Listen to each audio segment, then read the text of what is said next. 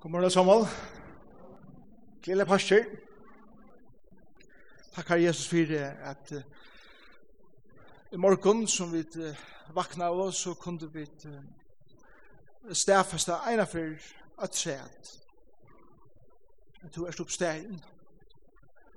Takk for det Herre Jesus, takk for det at vi tjener innom livande frelsere som døye for synder og akkurat med reise opp at du Jeg gjør åkken rett for kjøring. Jeg gjør åkken rett for ferien. Dri åkken inn i et innelitt samfunn av ferier åkker. Måler åkker. I himmelen. Prøys er det ditt navn, her, Jesus. Vi må ta denne bådskapen i det. Jeg tror at letja mer år i munnen, gjør mer kraft og myndleika og nøye, eimleika til at tala til år, fasta fyrir det år livande. Man har brøyda okkara liv, og ikkje berre vera informasjon fyrir okkara høtt. Man har vera sikning fyrir okkara gjørst, og til inspirasjon fyrir okkara liv og liva rett. Liva vel. Liva til fullnar. Sikna ene kvann som er her i morgon, sikna fyrir familie, alt som er omboi her, herre, og de som ikke finner komme vår kun eisene, sikna til de som høyre til disse samkomne her. Prysa fyrir at morgon kring atlan knøtten, sida folk, og prysa til her fyrir, hvor du erst. Og tæsja for vi kunne være en lille parster av disse store, store fjöld, som har givet sitt lov til tøy. Og Jesus er navn. Amen. Da er folk påska morgen kom og møte i ortodox, ortodoxe kyrkjen i Russland. Så reiser presten seg opp og han helsar samkommende vil jeg sige han er oppstegen. Og vi einar rødt sverar samkommende atter. Jeg hadde det sverar bedre enn vi kjørte i morgen. Han er oppstegen. Og så las jotta dei år etter år, og atali at han atali trunna av, at Jesus Kristus døy av krossen, og at han reis opp at for henne deg, at gjør menneskjen liv. Og det er vekerleikjen av påska båskapen, at Jesus Kristus, sånne gods, god sjølver, kom til gjerrer, at stilla vreina som god hei mot synd, som vi var fordømt under, er veit okken liv, vi er dodja krossen. Men vi er teka deian og liv i sinne hånd, vi er reise oppad på hinn deian, og stedfesta sitt navn, hvor han er, han som lever og ræver og i alder og alder æver. Da han sier, jeg har finnet likler deg, så deg er rysens. Og jeg eier myndelagan og valde av himmelen og jeg gjør. Er ikke fantastisk? Men det er akkurat her som tanken som vi sier amen til, så lattelig. Deg og loiv som er så omedelig torrfører er skilja, særlig at det kommer til at se det i samband med okkar gjerande sted. Og, og, og kanskje er det en av grunden for at vi, vi, vi er en synder, eller hvordan er, det, en synder vakkende.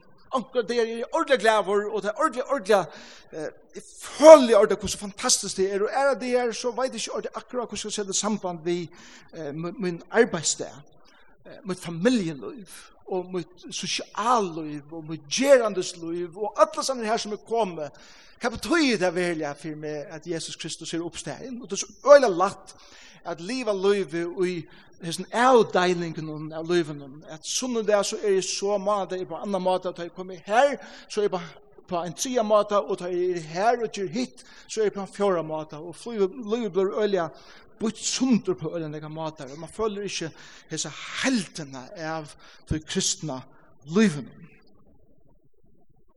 Amen. Er det her, eller bare det? Vi er øyne her. Ja. Og, og hette nega av tog som Paulus tåsar om i Galaterbrevet. Og, og, og der kommer vi til uh, hese kjente versene, Særlig ett kjente vers som øyler ofta blir eh, citera og alt den versen som vi uh, lærer åt han et. Og det er 20. vers. Eh, at sanger gjør rom at her. Ei langer er som livet, men Kristus lever oi. Ja, mer. Paulus sier til ham, men vi kan lese nysgjende vers åren, så er, er vi lovende deier fra lovende fire, at det skal liva. Vi kristna kristne bådskapen her reisende, deie, liv. De er oppreist. Vi lovene er de er fra lovene, de er, men er livet mot liv nå for god oppreist. Så sier han, men er krossfester vi Kristus, en av det at de er, men nå er det ei langer er som livet, men Kristus lever i mer, og livet som er nå livet i holden, livi og i trunni av sånn god som elskar jeg med og gav seg sjån for. Så synes jeg ofte også han enderteker, enderteker livet, livet og alt det her i sin versen. Krossfester, men opprisen og det her livet som er nu livet er et liv som er livet til fullmar. Til Jesus Kristus livet til livet og i meg. Og så sier han i vers 21, eh, det er akkur som han, han vil stedfeste, seti ikkje nøye Guds urgilte. Lika mykje best lovlærerne vilja sia og vilja råpa og vilja sætta spurninga vi og all tingsen som kunne diskuterast jeg seti ikkje nøye Guds urgilte. Liv i nøyen. Tui, fast rattvise vi lov. så kan du akkurat sama pakka saman, snæra leisen for heim i det, og gjer helt okkur saman til så er Kristus deier til enkjøs. Legg bedre per ut og drekka seg skuid og gjør heilt avstand. Så Kristus ikke er risen opp for henne deg. Paulus sier det er sånn til meira grunn til at jeg kan synd i åkken hvis Kristus ikke er risen opp. Og til verre jeg sier, ja, men hvis vi var kristen og levde etter en kristen medreglene, så vet jeg hvordan godt nok, selv om kristen, kristen ikke risen opp. Paulus sier, mega nøy! Helt det færre ut av livet, helt av annet liv enn det. Og det er det som Paulus ene fra en stedfester, og i hesen versen er, tog er fra kristne liv, jeg er så radikalt ombrøydende fyrir okkur, at jeg Kristus er oppstegen, og likevel så er vi dysen her at Hvordan setter det samband vi min arbeidssted? Da jeg fyrir arbeids i morgen, da jeg fyrir skole i morgen, da jeg livet sosialliv og alt de vanlige tingene i løyven, hvordan kan Kristus liva i mer inne i temmene områdene og i ødelen parten av løyven kommer. Det aller første som Paulus sier i versen er at det er grunda av et karlags forhold vi Jesus Kristus. Hvis vi ikke er i en karlagsforhold, og vi ikke er i en forhold for vi kjenner noen elsker jo til grunn av karlag og ikke øtta, så fyrir til at løyve er ved et løyve som er utrolig tro på det livet. Paulus sier det så utrolig innelig i enden av 20. verset. Altså, han som elsker meg og gav seg sjølvan for meg. Jeg synes ikke Paulus fyrir meg, hadde ikke bare vært et år som bare koma lattelig av jeg forresten, han som elskar henne, og ganske sjå han fyrir meg, men, men det er det djupa, han, han, han elskar henne, han kallar ikke vær, han er veldig gjørt ut og at han gav seg sjå han fyrir meg, åh, jeg elskar han, at det er forholdet som Paulus heier ved Jesus. Og at det er forholdet som er langtest etter å få mer og mer ved Jesus. Personlig, sjolver. Føler meg elsker han, så djupt elsker han og honom. Så livet som Kristus lever i mer grunn av et karlagsforhold er et liv som ikke for at eh, føra meg ut her, hver jeg misbruker nøyene og liv akkurat som jeg vil, og bare liv for meg sjolvan, og hukse meg sjolvan først og fremst, og lykke meg ikke hva ånder hukse og heva det, og så videre. så er forhold som etja meg til å liva rett, det er forhold som etja meg til å sige, Kristus er ikke bostad og i mer, det er tro i han. Og jeg skal løyve honom at livet er liv som han innskjør at livet er i jøknum med. Men det er ikke møvelig utan at vi først dødja. Og Det er Paulus sier i 19. verset. Vi lovene er i deier fra lovene. Og det som sier nu er sånn det grunn av hans røyene. Vi er mitt henne røy. Og vi tar tåsa nek om et argument som lovlaren høyde at, vi må halda lovene for å bli fremst. Vi må gjøre øtelstingene for at vera og kjørt er god til. Og, og, og Paulus sier at uh, vi vi kan lade det, vi er kan loven. Hun gjør ikke lov. Loven er et spekl.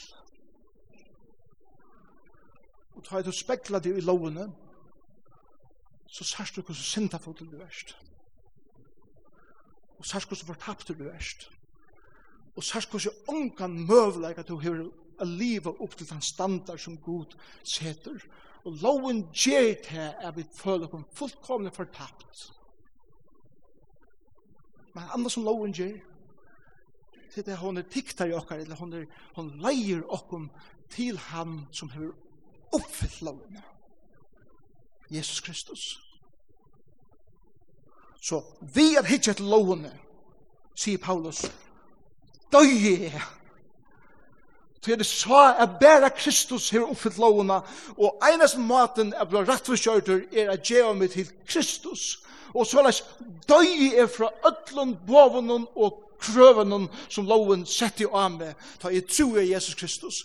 Og vi lovene døye er fra øtlens krøvenen, ta i tro i Jesus som har oppfylt alt disse krøvene, og nå liv i er.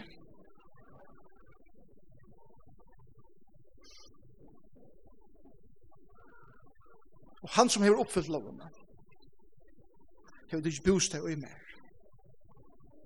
Ikke gjøre lovarversk, men rattvisesversk. At livet er rattvis liv og i mer, så at mitt liv kan være fullkomlig ombrøtt. Spørningen er, det er ei langer jeg som, eller, nu er det ikke langer jeg som lever, men Kristus lever i mer. Er det ikke veldig vers? Halla dit. Skilja dit det? Liva dit det? Ja, okkur sier ja, okkur sier nei, okkur sier veit ikke. Og jeg tykker at det er ødeles tingene her. Det først, yes! Det først, åh oh, nei! Det først, jeg vet ikke ordentlig. Hvordan ser det ut at Kristus lever i mer? Hvordan ser det ut i okkar gerande steg? Hvordan ser det ut for jeg vet vakna mitt om nattene og skal skifte okkar bøtten av kukkeblæven? eller vi skulle til arbeids, og vi skulle stryes og sevast, lenga vakter, og ødles tingene, hvordan ser det ut? Ta og vi gjør at vanlige tingene gjør i stedet. Det er den rannsekkende spurningren som, som er spyrir meg sjálv Og, og hette hever mynda kristendomen på øyne eka matar, og til verri eisende hever hette mynda kristendomen eh, lengt fra tog som Paulus møvlige og pronalige levde og hugsa jo om. Så er det standig her i morgen, og jeg har ordet ho at sige halleluja og jubi og alt det her Jesus oppstegen. Samtidig er det noe i mer som er sorgbløyt. Og det er det struje. Så jeg tar jeg ikke av kristendommen, kanskje særlig Vesterheimen, så er kristendom for noen bliven en religion, for egen er vent nekk mer halgemenne og gamla sier enn egen er vent av Jesus Kristus. Og kristendommen har på nekka mist fokus av Kristus og egen er vent av alt annet. For andre er kristendommen blivet en rørsla og i måte øtten til ringa i heimenom som kristen skulle syrja for å halda seg lengt fra. Og kristendom blir en separera religion som slett ikke blir involvera i heimen som Kristus har sett noen i at noa. Og vi gjør det andalet å si at vi da ønsker i heimen å gjøre. Og så blir kristendommen separera over. Stedet for inkarnera over som Kristus blir For om noen kristendommer bliva en troan etter rydgjødømme, vikongt og helsebolt, heller en troan etter Kristusen. Og her blir kristendommer en, en troan etter materialisme og velferd. Og Kristus bliver personen at noe her til at det skal bliva en personer som er velfyre og framgångt og alt gonger super og så videre og avnoktar alt som er målgångt og sjuka og og trobeleikar og i livet Og så lest bud av materialistiskur kristendommer. For andre kan kristendommen bliva en lovlære her biblian, som, som vi leser så står han dent da. Ikke bliva noe anna meir enn bare meiregler og lister og meiningar som vi skal tjekast om. Og det som du er best at tjekast vinner. Så det blir en makt kristendommer. Jeg er skyldig av nekven av sånne her som just sier bare Og Det tror jeg at jeg sier det her vi sorgbløtten. Vi det ødel av ho er fettel og i hans her tingene av han. Hvor er jeg? Jeg vet ikke om tid. Men jeg vet her at etter sida vil vi en kristendom som tepper øyelig ofte glede og det som er det stuttleikje i løven. Så det er en kristendom som er nok der på negva måter sorg og pynne som er veldig parst av løyvene. Så det er en kristendom som er maktar list og kreativitet. Så det er en kristendom som er marskar karlæga og halkan. Så det er det kristendom som er sannar løyvene opprørsne løyde som god hever atle okkom at liva. Og vi er skilja i middelen her som vi kallar for andalett, og så til hitt som vi kallar for verslet, eller gerandeslett, så kunne vi mokta Kristus herradømme i betoi, som han velja er herre iver. Kristus kan være herre i hesten parten av min løyden her, her han ikke gjerra. Jesus sier, mer gjør i alt vald og himle og gjør. Alt vald og himle og gjør. Han er herre i ødlom, og så ikke bodjokken fyrir tog, og liva løyve andalet og så verslet. Og i øtlensene her, hørsten av løyven hver god, ikke vi tidsen vi, og hever han tidsen vi, og så vi er. Etter sida vi en kristendomme som bare huksar om avmarskjengar. akkurat som ormeren gjør du i eten, til han sier, De kunne ikke ete av trenen. Og gleden om alle hine millioner av trøvene som var gjort seg greien. Det er borstebeint og glemt av nekvom. Kristendommen kan være minka og nyer i en lytland, myrskan, kaldan, fjærskottman, krok, og i okkara løyve her Kristus neivan hever er gongt. Og kæra sankumma, Hvat er kristendomen utan Kristus? Domer. Kristen domer.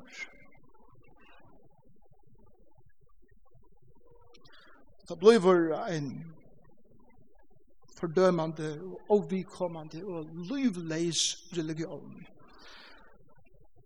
Og det er det som gjør meg veldig kjent. Jeg synes ikke at Tutsi tusen tals folk. Vendar seg bort fra hæsum Hverst år. Sankum er kyrkje snæra sånne likvær, og det er tusentals ånder som ikke vilja koma nær. til er ønsken er drien at en Kristus leisum kristen liv. Ønsken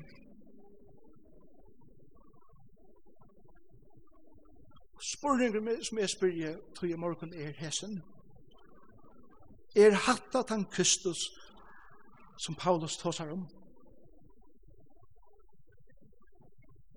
Et nei var her gjorde, nek anna nei. Det er deilig finnes jeg, er det nek mega nøy i morgen. Jeg tykker ikke hatta tan kristendommen som Paulus snakkar om. Jeg tykker ikke hatta tan færger som Paulus snakkar om, da han sier, Nå er jeg langer er som livet, men Kristus lever i meg. Det er kærleiksforholdet, han som elskar meg og gav seg sjåvan for meg, for han innskjer at livet og at løyve hånden at livet sitt liv i djøkkenen med. Det er det som er trygg ved at Paulus tar seg om. Ikke det er det som vi som menga fettler i, men han tar seg om det er spilder nøyt. Vi fikk en nødt oppenbering av tog som er under våre urammen. Vi synes det ikke. Det var deilig å være sammen med Jon og Ram. Men det var eisen deilig å få noen nødt oppenbering fra god til. Vi var inne i Santa Clement, Basilika, kyrkjene. Grunnsteinene er ute i kyrkjene kunne utan ival derfestes helt at det til fjore øld. Stærfestes beinleis at her hever tilbyan være lukka som fjore øld beinleis onker heldur, men det er ikke søvlet, heldur ikke arkeologisk statest. Ja, møvelig er hatt steg som en av hussamkommunen i Rom, i første øl samla i stod. Møvelig heldur onker at Rombrevet var lysi oppherbeint. Jeg vet det ikke. Men det er funnet steiner som er brent helt, helt ny, i nyeste lennom, og onker heldur at møvelig er han brander fra eh, elden i Rom og er fyrirtrus, tar ned og setter eld av Rom. Jeg vet det ikke. Men det som særlig hun tog med,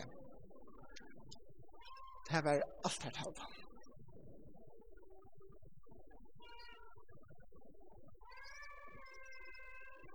Jeg sitter meg under liene av en preste, og når jeg står bæg her, øyrene ordentlig framme eh, presteren stod og forklarer for en liten smådrang til det var en familie, og det var særlig smådrangeren som, er, som, som presteren fortalte den fire.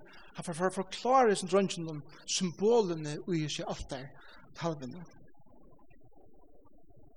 Og han sier, middebelen i myndene er Kristus av krossen. Undan loften kommer en hånd som nemur til oversta toppen av krossen. Hette er hånd gods. Vi foten av krossen vekser et livande tre som spreier alla greinene ut og i alla atter. For at trene renner fyra streimar av livande vattnet. Hette mindre av gavun gods til mennesker men av krossen og i middelen samegner Kristus menneske vi god, skapningen vi skaper han, og veiter og djever til liv som god og pronalega innsjører djeva menneske. Presten gav det eisen fra hos greinene er eh, bretter seg ut i alle atter, hva det symboliserer, tog av hver grein vær daglige livet tja vanlige falskje som fylgjer Kristus i etter avmynda. Ikke best til atronarlige eller religiøse livet, hver man har bøn og bibelester, godstjeneste og faste. Nei, alt livet, alle gjerensdæren, alle livsens omstøver, beinleis tenktar er at Kristus er av krossen. Beinleis. Jeg mynden er folk som fiskar, de skal gjøre, passe seg, omferast, lesa, skriva, njóta samfélagi i hverandre, og på dronne gjøre mat, bære vatten, ansan bøten. Eisen er allsins frukter, grønnmøter, brei, fuglar, jord. Alt dette som god til å give menneskene at njóta og at bruka. Så gjør det her nirre vi ånda, stand at far gjørster og drekka av vatten. Mynden er ikke under tidsen fra solmenon, som viser at en som gjør sin tyster etter livande vattnet, etter rennande vattnet, så tyster sal okkara etter god. Men den minner okken av er god, ikke bare en ser og jeg mette okkara daglige tørv, men reisende han longes etter at mette okkara salarlige og kjenslelige okkara andalige tørv i livet. Men ui öllum hesen er Kristus midhebelen. Tui av honom, vi honom, og jöknon ham, til hans herra, er det at alt løyve hunger sen. Jeg var lykka spett fra smadsongren, så stod her lusta i vi står nøyrum, og, og under i eisene, Men vi følte bare at, at, det var sånn at vi heile ble via stand der, så vi måtte bevege oss spekelig av sted, og, og, og vi får og, men, men det er bystet ui okken. Og samført ene for enn om dette, at, at Paulus sier, til ei langer er som livet, men Kristus livet er mer, så, så er det hatta han mente vi. Så er det kommet inn i öll omrøyene i livet om, som Paulus mente vi, som heter mynden, så meddeler jeg vel lyser. Hatt det her livet som er vi livet, kære samkommer. Hatt det livet som er vi livet, som vi vil og lære at løyva Kristus er livet i kjøkkenen med. Det er ikke lovarversk at vera involvera i dagliga dagen og tega Kristus vi, det er rattvises versk, hvis det er grunn av et karlagsforhold ved Jesus Kristus. Hvis vi grunda av øtta og vi strujas a gjerra ting for Gud skal elska okkur meir, så er det lovarversk. Så det grunda av øtta. Men det er rattvisus versk hvis vi får egen og fyrir hos negvi dere elska i og vi loiva Kristus inn i atlan okkar gjerande sted. Og gjerra til vanlige ting som vi gjerra. Hva vil så er det? Vi lever med. Jeg ønsker ikke å skilja, jeg ønsker å læra meir meir, at ikke skilja mittlen det som er andalet og det som er verslet til at gjerande slutt. Men at åsamme er at Jesus Kristus er herre og har öllum områden og i munnen lyve. Öllum. Ikke bare sunne det, og stå fra heim det så ligger Jesus etter her bare, og vi sørger nesten sunne det. Men öllum dagen, 24 tjej, 325 stier om året. Det er liv for gleden for rom Hett et liv hver vi tåre at omfevna sorgina som er pastor av okra liv. Hett er et liv hver vi vier kjenna vekerleika og jøkken list og jøkken kreativitet. Hett er et liv hver nage og karleike og halgan verer pleia eller røkta. Hett er liv hver vi loiva loiva loiva loiva loiva loiva loiva loiva loiva bunden er at hugsa om avmarskingarna, men vi er jo sett fri til at hugsa om öll millioner av trøvnen som god hever givet okken ergong til og sin orsakare at liva som er vi ser. Kristen liv er ikke avmarska til religiøse aktiviteter, men det er en naturlig parst av okkar arbeidsliv, av okkar familieliv, av okkar kjensleliv, av okkar sosialliv, det er lika mykje hva det er, Her lever Kristus i mer, og en fullkomna naturlig en hatt. Så er det som god til å skrive åkken sammen, så er det som tvinn personlig er der, og så er det som min person er der, så er det som å skrive åkken sammen. Hetta løyvi eit hennes det er av vise nøye. Hetta løyvi eit hennes det er av at tala sannleikan. Det er kjennes det av at bergjast i måte åratvise i heimen. Det er kjennes det av at trøsta til sjuko. Det er kjennes det av at omfevna til som er dødjande. Det er kjennes det av at sia vi til unge som struja så nek vi tar sjålsmynd at hid er sérstøk. Kæra unge at herlig. Hid er sérstøk. Til å lære et baden at lesa. Til å lære et baden at helge betudje. Eit, tvei, fem, nei, nei, trui. Det er kristenlivet. Det er helsa fremmandum.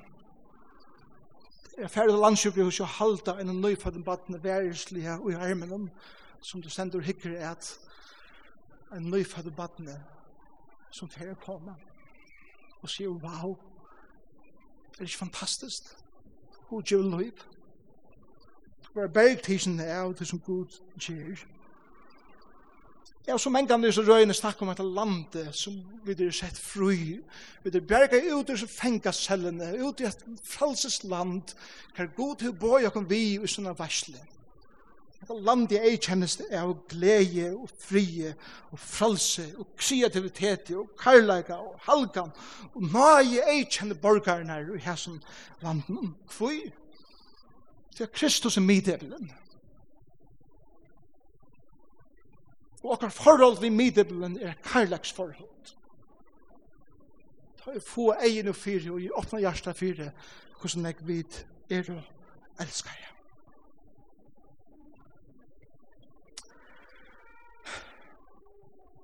Og så strøyes Paulus vi hese mennar, møyla kvinner, jeg vet ikke, med lovlærer her nær, som var kommet fra Jerusalem, at seta Paulus og alle her som tås om frelsesbåskapen på plås. Jeg får det atter til versk, atter til jødedommen. Det er akkurat som Paulus sier i 21. verset, og det er akkurat det verset som teker sammen om alt det som han har gjørst i kapitel 1 og 2. Jeg ser det ikke nøye gods og gyldet som Kvalbjørn sier, alt rån.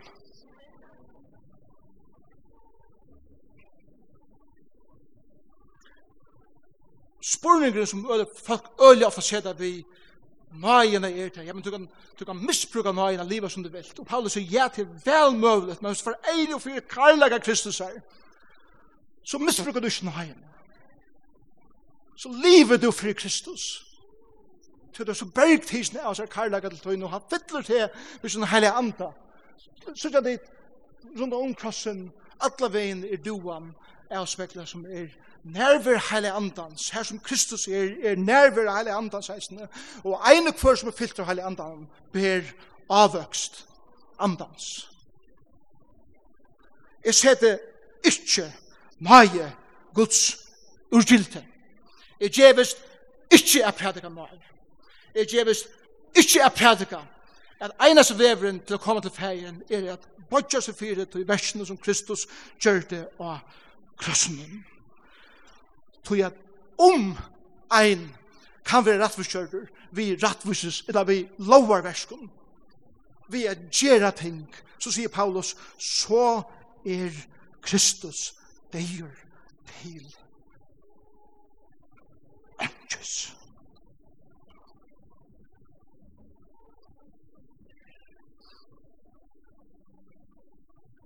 Legg meg til første vers i kapittel 3. Til skyla leis og galater, hver hever ganta dekkum. At det nesten ikke. Men føla dit, føla dit teksten, føla dit brand Paulus her, føla dit kærlega Paulus her til Kristus, at han vil ikke løyva nøkna komme inn at teka hessa dyrkrybene fra Det er min sykvand. Nå måtte vi vakna eisen så det, så måtte onkel komme og rist og i med eisen reglelig.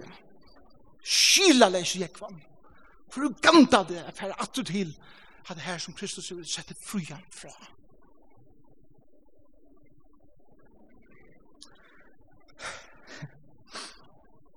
Vi hæs jo hugskjånene om kristne liv. kristnendet. er til å si det påskamorgon av møtet eller gudstjeneste. Og presteren, eller pastoren, eller hver det så er, kommer fram og helsar samkomne og sier, han er oppstegen. Færre vil ikke ene rødt, jeg sier. Og så la oss gjøtta dit. År etter år.